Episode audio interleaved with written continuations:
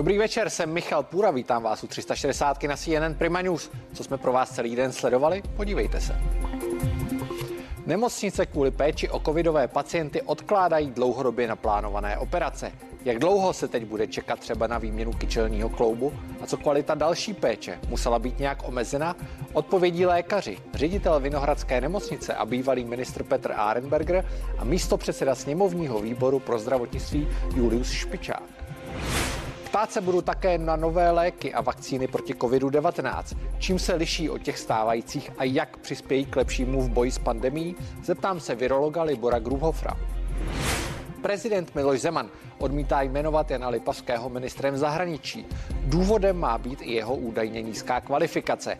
Co se od ministra zahraničí vlastně očekává? A je Jan Lipavský skutečně tím nejlepším kandidátem? Otázky na člena zahraničního výboru sněmovny Jaroslava Bžocha z Hnutí Ano a europoslance z řad lidovců Tomáše Zdechovského. Sociální demokracie má nové vedení. Do křesla předsedy byl zvolen Michal Šmarda. Jakou změnu přináší? Zeptám se ho.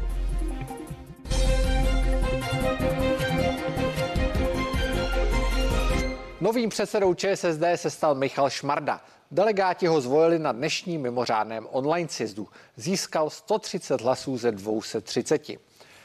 Porazil končící ministrní práce a sociálních věcí a současně dosavadní místopředsedkyni strany Janu Maláčovou a také bývalého šéfa vojenského zpravodajství Miroslava Krejčíka. Šmarda je v čele, nás, v čele strany nástupcem Jana Hamáčka, který odstoupil po neúspěšných sněmovních volbách. Jako prvního místo předsedu si Šmarda vybral Igora Bruzla. A nový místo předseda ČSSD Michal Šmarda je ty s námi ve spojení. Dobrý večer. Dobrý večer, já jsem předseda. předseda. Já vám uh, gratuluju. To předseda, jsem vás jenom opravdu. Já, jsem, já se omlouvám za, za přeřek. Uh, gratuluju ke zvolení předsedou, abych ještě jednou zopakoval. Uh, co si myslíte, že bude ten váš největší úkol, protože my jsme v těch uplynulých dnech slyšeli, že Čes, sociální demokracie má potom nepříliš úspěšném výsledku ve volbách eh, problémy třeba v jednotlivých regionech, některá ta združení se rozpadají nebo jsou na pokraji rozpadu. Eh, co je ten zásadní úkol? Víte, sociální demokracie je v nejtěžší situaci, kterou zažila eh, za celou porevoluční historii, po listopadovou historii. Takhle špatně jsme na tom byli naposledy v roce 1990. Od té doby se to liší tehdy, že tehdy měli sociální demokraté mnohem více chuti do práce a měli větší v sobě naději na lepší budoucnost. Takže tím prvním úkolem je přesvědčit znovu lidi, že sociální demokracie stojí na jejich straně, že bude hájit jejich zájmy a že skutečně uh, bude tím, kdo je bude hájit v těch těžkých dobách, které nás teď čekají. Jakože ty doby budou hodně těžké. Eh, je tady spousta na levici, spousta roztříštěných levicových stran, a to nejenom sociální demokracie, jsou tu zelení, eh, jsou tu, je tu strana idealisté, strana budoucnost, jsou to opravdu drobné strany, ale když je sečtete, tak už by ten výsledek mohl být o něco lepší, o něco zajímavější. Není čas sjednotit uh, levici?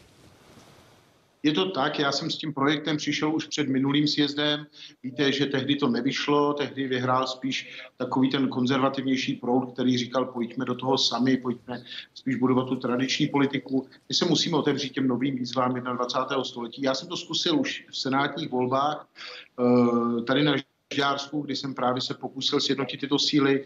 Oni mě podpořili a musím vám říct, že to bylo fajn, fungovalo to a mělo to v sobě určitý étos, který bych chtěl přenést na celou levici. Chtěl bych, aby sociální demokracie se stala takovým přirozeným centrem právě levicového hnutí v České republice, levicového myšlení a vůbec takových takových těch občanských aktivit, boje za práva zaměstnanců, eh, ale například i za práva životního prostředí a podobně. Takže je to něco, co je před námi co bude ta programová priorita, protože sociální demokraté v minulosti čelili kritice, nebo už v těch posledních volbách, že už vlastně nezastupují e, zájmy toho pracujícího lidu a teď už asi se nebavíme jenom o dělnicích, ale, ale zejména o zaměstnancích.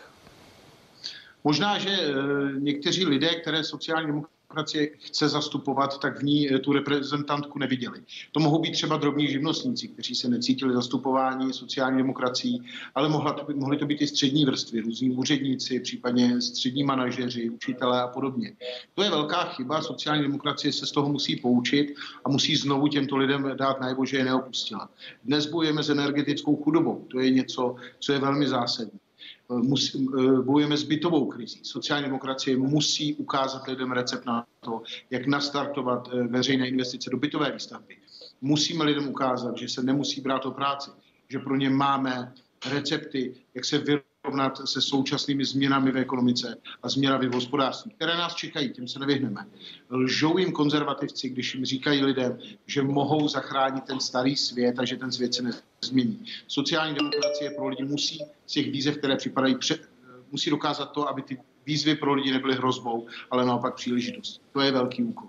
Takže byty, důchody, energetická chudoba, musíme bojovat také s exekucemi. To není žádná legrace. V České republice je na milion lidí v exekucích a nikdo s tím nic nedělá. Velmi pravděpodobně tahle vláda s tím také nic neudělá. Já slyším pípající, píp, pípající telefon za vámi. Eh, to jsou gratulace? No, jasně, chodí hodně gratulací, ale chodí i dotazy. Uh, Kdo jak byl dál. první? Kdo byl první? Kdo vám gratuloval jako první? Manželka. A z politiku? No a manželka mi taky vynadala, že, že, že jsem jí hned nezavolal, ale já jsem nemohl, protože jsem zrovna uh, se bavil s lidmi z televize Prima. Z politiků mezi prvními uh, byl Jan Hamáček, uh, Vít Rakušan, Uh, pak spousta sociálních demokratů, uh, Michal Berg ze Zelených. No bylo jich hodně těch politiků, bylo to zajímavé a moc krát za to všem děkuji. Ale co, co je dobrá zpráva, že mi nechodí jenom gratulace od politiků, ale už mi přišlo asi 6-7 zpráv od bývalých členů sociální demokracie, že se vrátí a to mi udělalo radost. Uh, a to jsou třeba kteří? To mě zajímá. Já, já vám to řeknu, až, to, až budu mít ověřený, že je to pravda, až mi to potvrdí úplně ne, ne, Jiří Paroubek? Třeba? Když že by se Jiří kvůli mě vrátil do sociální demokracie. Překvapilo by no, mě to. Mě taky. No. Eh, když se podíváme, jaké volby nás čekají. Vy teďka nejste ve sněmovně, ale přece jenom na podzim budou komunální volby příští rok a také nás za rok a půl čekají prezidentské volby a já se zeptám na ty prezidentské volby. My nevidíme zatím v těch uvažovaných kandidátech, samozřejmě jich ještě velmi málo a postupně se rýsují, nevidíme zatím žádného typicky levicového kandidáta. Mluví se o Andreji Babišovi, mluví se o Petru Pavlovi, mluví se o Danuši Nerudové. Není to nikdo, kdo by mohl asi na první pohled zastupovat sociální demokracii, případně tu levici či levicové strany, o kterých jsme mluvili. Máte nějakého favorita? Já mám favorita, já bych byl velmi rád, kdyby ty prezidentské volby se staly příležitostí k zednutí velké levicové vlny, k něčemu jako takové, ke vzniku takovému hnutí za práva pracujících, za práva obyčejných lidí. A v tomto smyslu bych byl rád, kdyby se odhodlal ke kandidatuře na prezidenta předseda Českomoravské konfederace odborových svazů Josef Středula. Je to člověk, který se dokázal zastat pracujících, dokázal to udělat opravdově a ten způsob, jakým se lidí v práce stal, tak vždycky měl své výsledky. A to je něco, co si myslím, že bude Česká republika potřebovat. Já vám moc krát děkuji za rozhovor a přeji hezký večer. Já vám taky děkuji, mějte se krásně a děkuji všem za podporu a sociální demokracie bude zase při vás, nebojte se.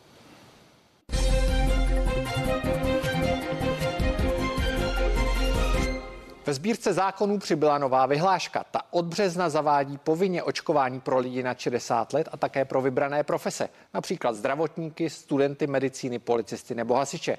Podle hlavní hygieničky Pavly Svrčinové se to bude kontrolovat.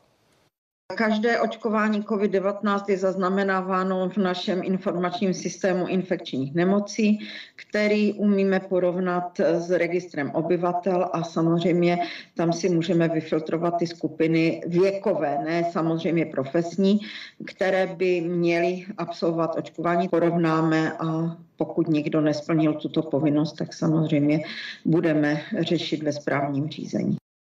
Právě vyhlášku o povinném očkování dlouhodobě kritizuje i budoucí minister zdravotnictví Vlastimil Válek. Jako ministr ji buď zruší nebo změní.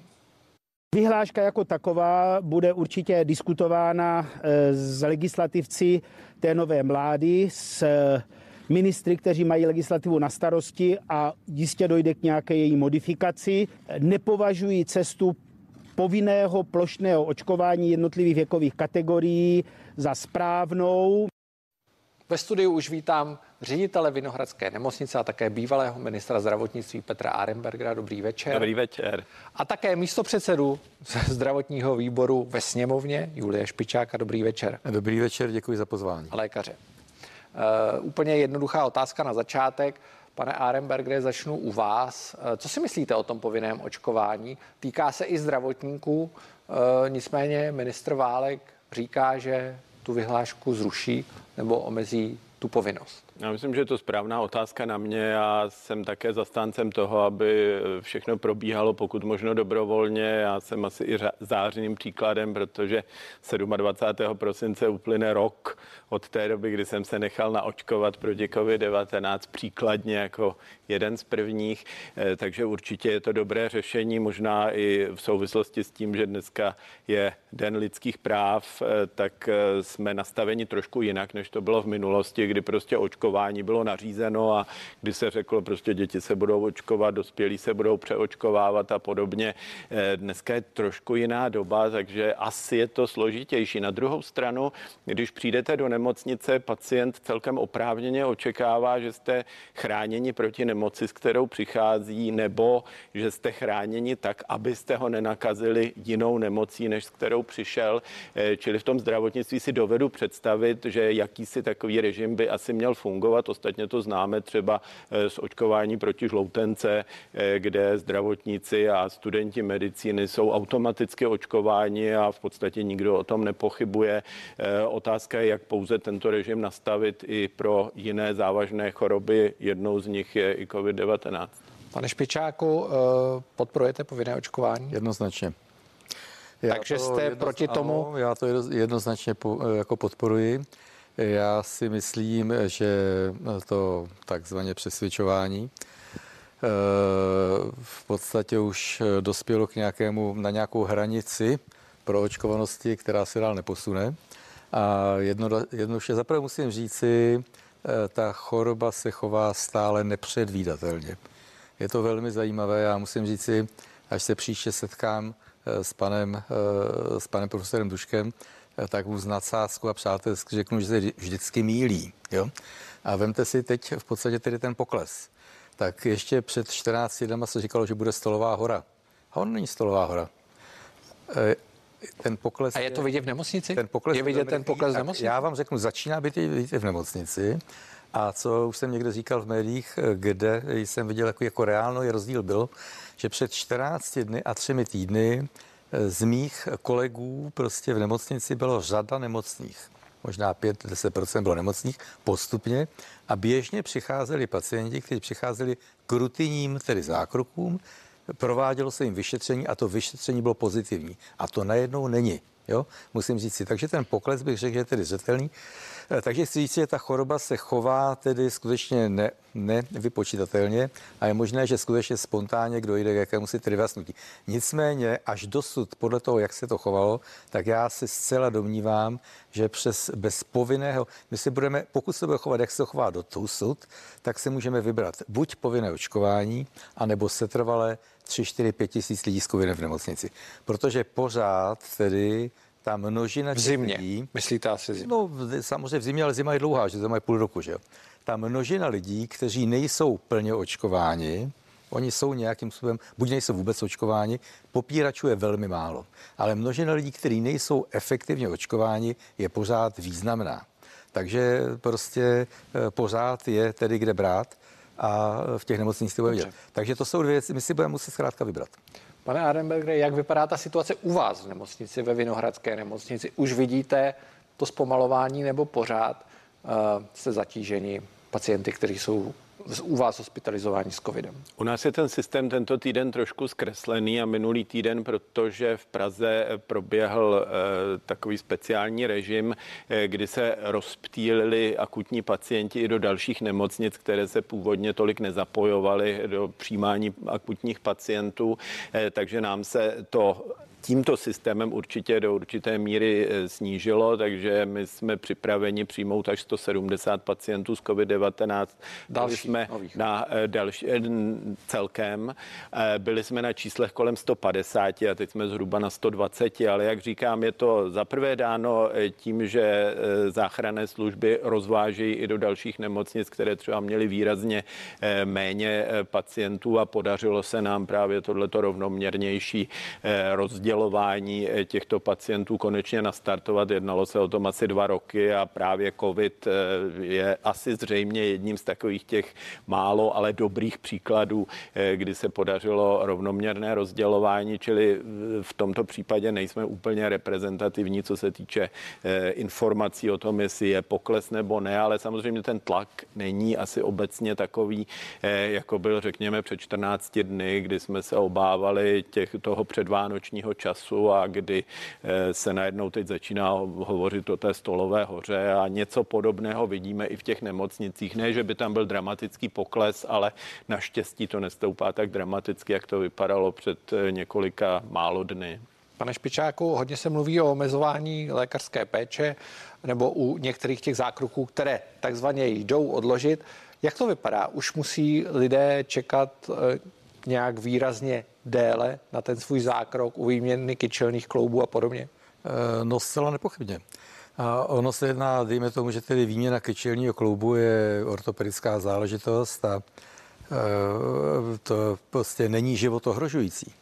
Ale jako velmi jednoduché je požádat zdravotní pojišťovny, aby vám dali počty výkonů v jednotlivých měsících, eh, všech možných výkonů, a srovnalo se to se situací před dvěma, třemi lety a vy uvidíte, že došlo k velkému poklesu.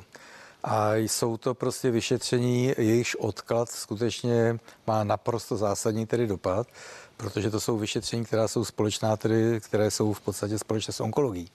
Takže zásadní otázka mého oboru, to znamená tedy gastroenterologie, zásadní diagnostická otázka, jestli ten člověk má nebo nemá nádor. No a teď vy ty pacienty prostě, a ty vyšetření nejsou, najednou ty vyšetření, těch vyšetření o polovinu méně. To znamená, že ta diagnostika se zpomaluje a ty pacienti pochopitelně přijdou tedy k té diagnoze se spožděním a ta prognóza bude prostě horší. Pan profesor je tedy onkolog, takže nepochybně asi na tom se tedy shodneme. Eh, takže já tohle považuji za skutečně velmi významný tedy fenomen, nehledě na to, že dochází tedy k změně vůbec chování společnosti jako takové. Eh, medici přichází daleko hůře připraveni, vlastně nyní, absolventi, než tomu bylo kdykoliv jindy. To je zcela tedy markantní.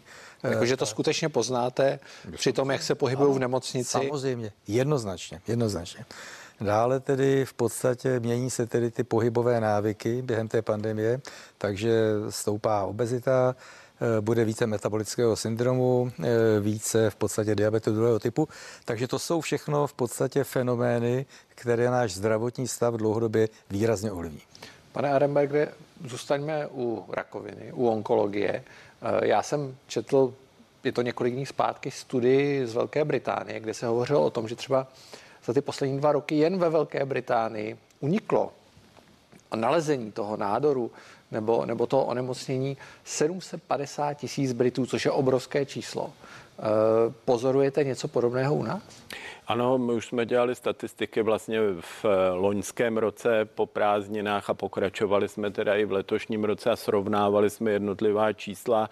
Eh, tak, jak říká tady pan profesor, ta data jsou naprosto jednoznačná. Když je lockdown, tak prostě pacienti nechodí na prevenci, nechodí s běžnými obtížemi, které ale mohou signalizovat nějaký závažný problém eh, do nemocnice, protože se bojí, že se nakazí a samozřejmě může se posunout diagnostika tak, že už to onemocnění onemocnění není tak snadno řešitelné, jako kdyby se zachytilo v tom úplně nejčasnějším stádiu.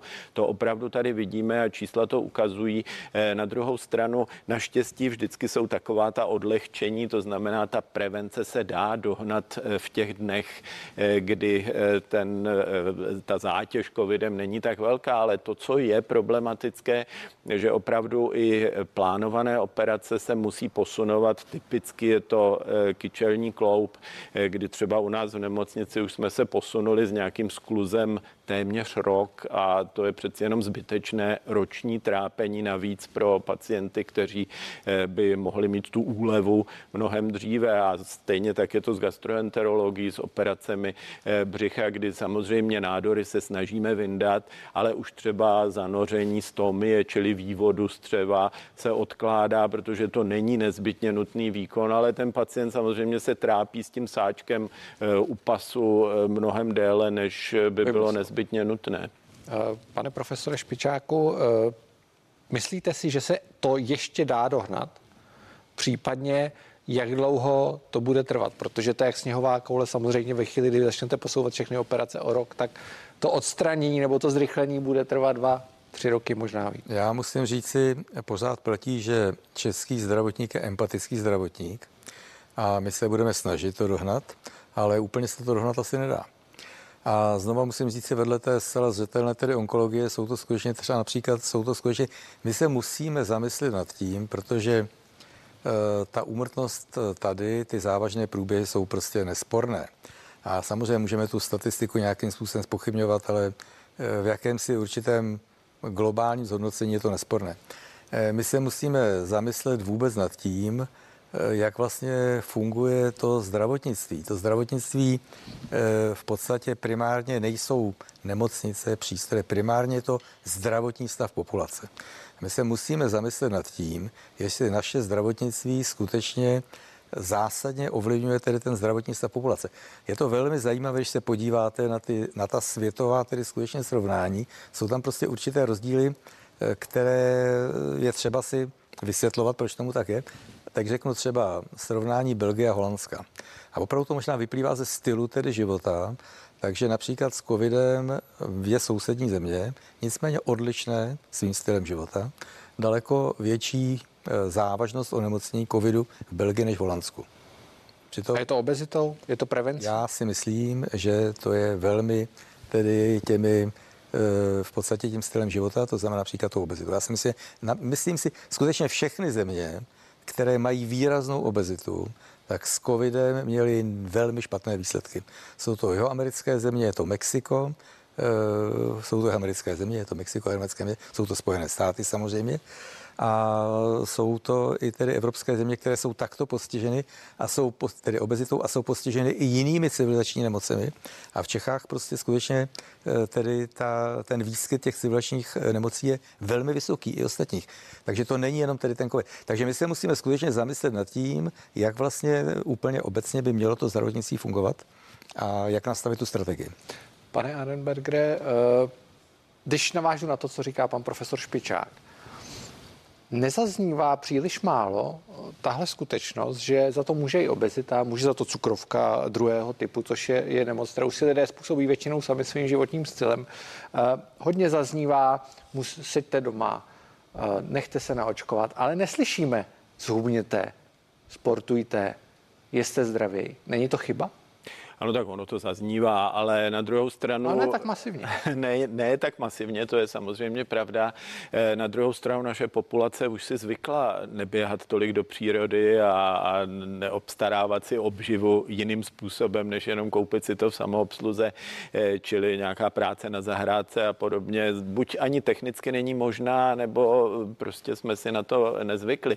Pochopitelně, když bude zdravější populace, tak nebude zdravotnictví tolik potřeba, bude spousta spousta volných míst a eh, budeme se moci více věnovat třeba prevenci a podobně, protože ten zásah eh, vlastně takovéto pandemie do zdravotnického systému si možná člověk ani na začátku neuvědomí. Mně se dost často novináři ptají, už začínáte omezovat plánovanou péči? No samozřejmě, pokud eh, nám tam přibyde nějakých 20, 50, 100, 150 pacientů, eh, kteří by normálně v té nemocnici nebyli, no tak obsazují lůžka, která byla určena úplně pro něco jiného než pro léčení infekčních chorob. Navíc nám to blokuje mnohem více personálu, protože si dovedete představit, že eh, ten personál v těch tajvekách nevydrží tak dlouho eh, bez odpočinku, čili musíte tam střídat více týmů a to vám zablokuje nejen zdravotní sestry, ale zablokuje zablokuje vám to třeba experty na resuscitaci, což jsou ale naopak třeba lékaři, kteří eh, podávají anestezie, čili uspávají pacienty na operačních sálech. A proto musíte omezovat operace, protože prostě nemáte člověka, který eh, by tu narkózu eh, tomu pacientovi dal. A zrovna tak máte zablokovaná lůžka, třeba intenzivní péče, kterou potřebujete proto, když děláte velkou operaci, tak následně se o toho pacienta také přiměřeně postarat třeba na jednotce intenzivní péče nebo na anesteziologicko-resuscitační klinice a tam je prostě obsazeno jinými pacienty. Čili to je takový ten apel, pojďme společně se snažit nenakazit, ať už to děláme eh, omezováním kontaktů anebo přímo očkováním, což je asi to nejúčinnější, abychom zbytečně neblokovali eh, nemocnice něčím, co eh, vlastně nám zbytečně brání eh, dělat tu hlavní práci těch jednotlivých pracovišť, která jsou pro to určena.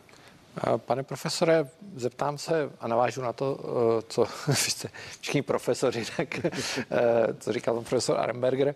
Eh, nebojíte se toho, že až skončí covid, nebo až poleví ta, ta současná vlna, že skutečně ten personál zdravotnický to prostě takzvaně lidově řečeno zabalí, protože už eh, vidíme to i v médiích, eh, vidíme to v těch reportážích. Řada z doktorů, řada ze zdravotních sester už toho má skutečně plné zuby.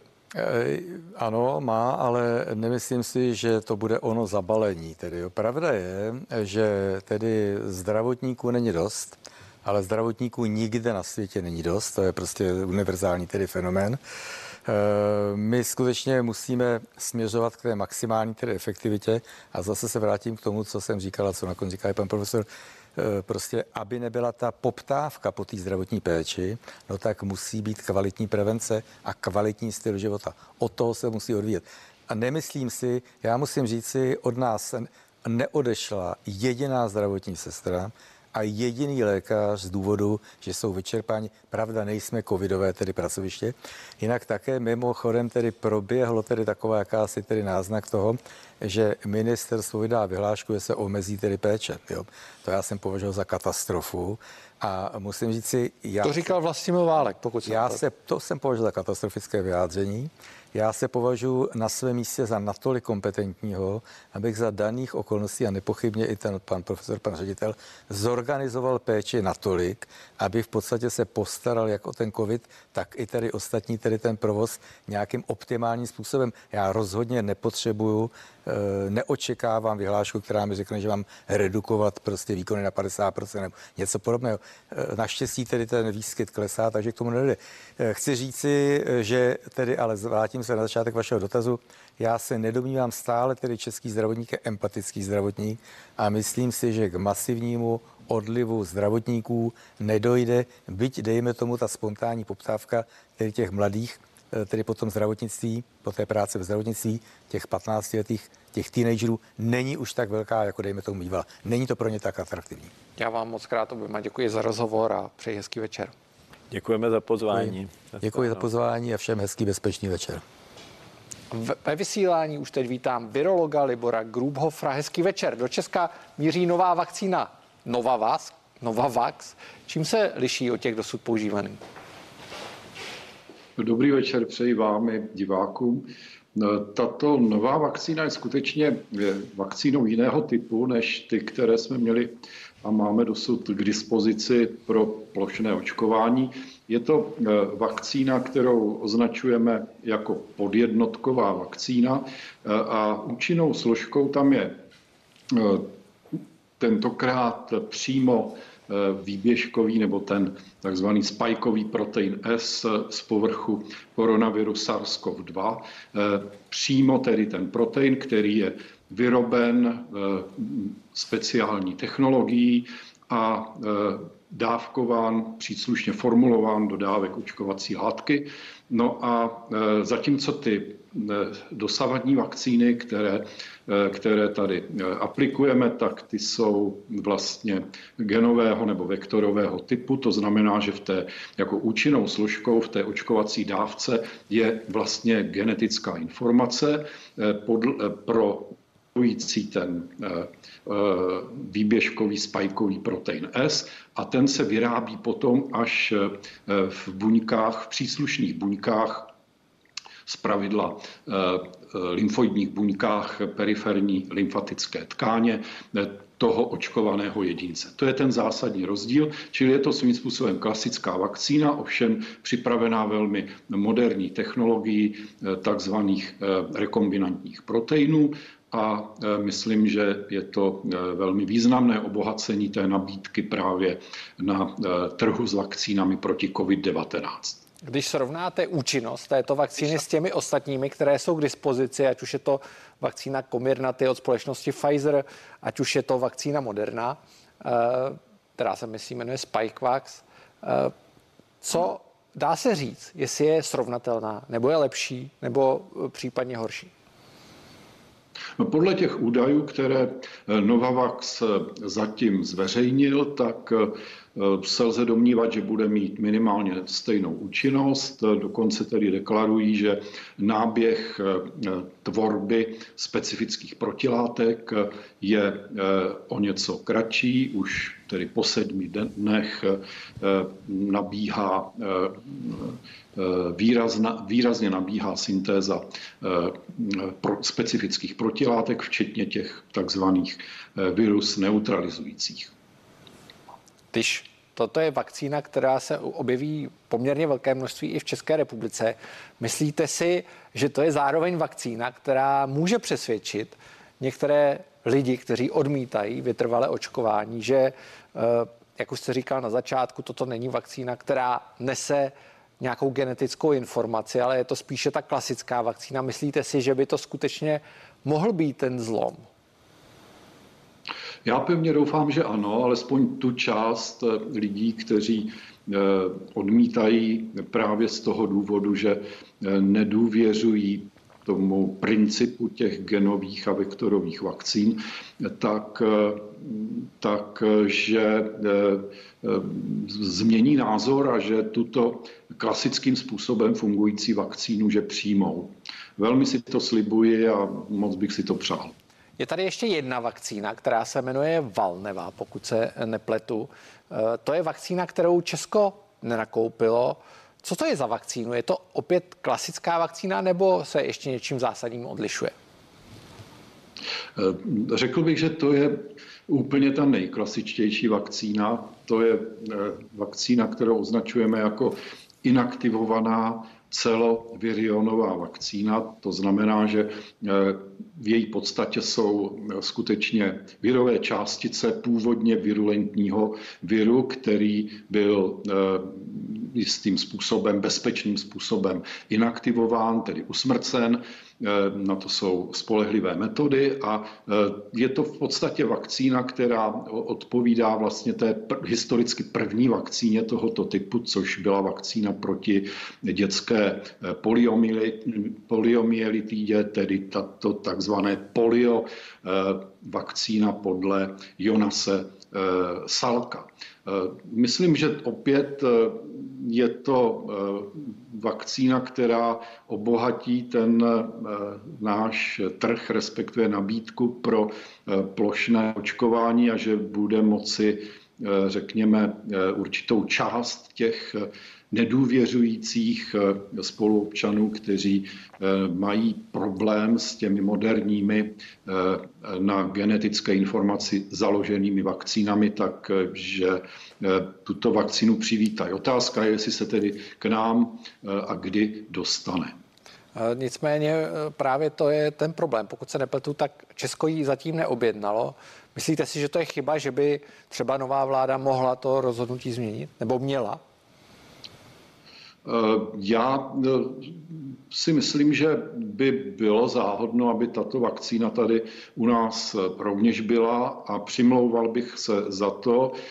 Jakkoliv víte, od samého začátku pandemie a zejména tedy té iniciativy iniciativy ministra Vojtěcha připravit nenáročnou, levnou českou inaktivovanou vakcínu. Eh, byl jsem vlastně eh, proti této myšlence. Ne, ne ani ne tak kvůli tomu principu a kvůli, řekněme, klasičnosti té vakcíny v porovnání právě s těmi moderními, které se mohly dovyvinout velice rychle a, a uvést přes náročné schvalovací řízení do praxe, tak já byl tehdy proti té české inaktivované vakcíně, zejména protože to byl projekt absolutně nepřipravený, velice eh, amatérsky pojednaný a eh, neměl vůbec šanci na úspěch, poněvadž za ním nestál nikdo než ministerstvo zdravotnictví a my dobře víme přeci, že eh, vakcíny jsou natolik náročný biznis, že bez eh, velice zkušené a eh, bohaté farmaceutické firmy a několika často společností, které, které združí své úsilí, takže takové projekty nemají vůbec šanci. Proto jsem rád, že se tato klasická vakcína v tom, eh, ve firmě Valneva, což je eh, francouzsko-rakouská rakouská společnost, takže že byla takto rychle také připravena a bude alternativou, eh, alternativou pro použití. Já vám moc krát děkuji za rozhovor a přeji hezký večer. Já také přeji hezký večer a děkuji za pozvání. Naschledanou. A co nás čeká ještě dál? Za chvíli se budeme věnovat sporu dezignovaného premiéra Petra Fialy a prezidenta Miloše Zemana o budoucího ministra zahraničních věcí. A také, eh, tak, a to bude asi všechno. Eh, tak těšíme se na vás za chvíli. Díky.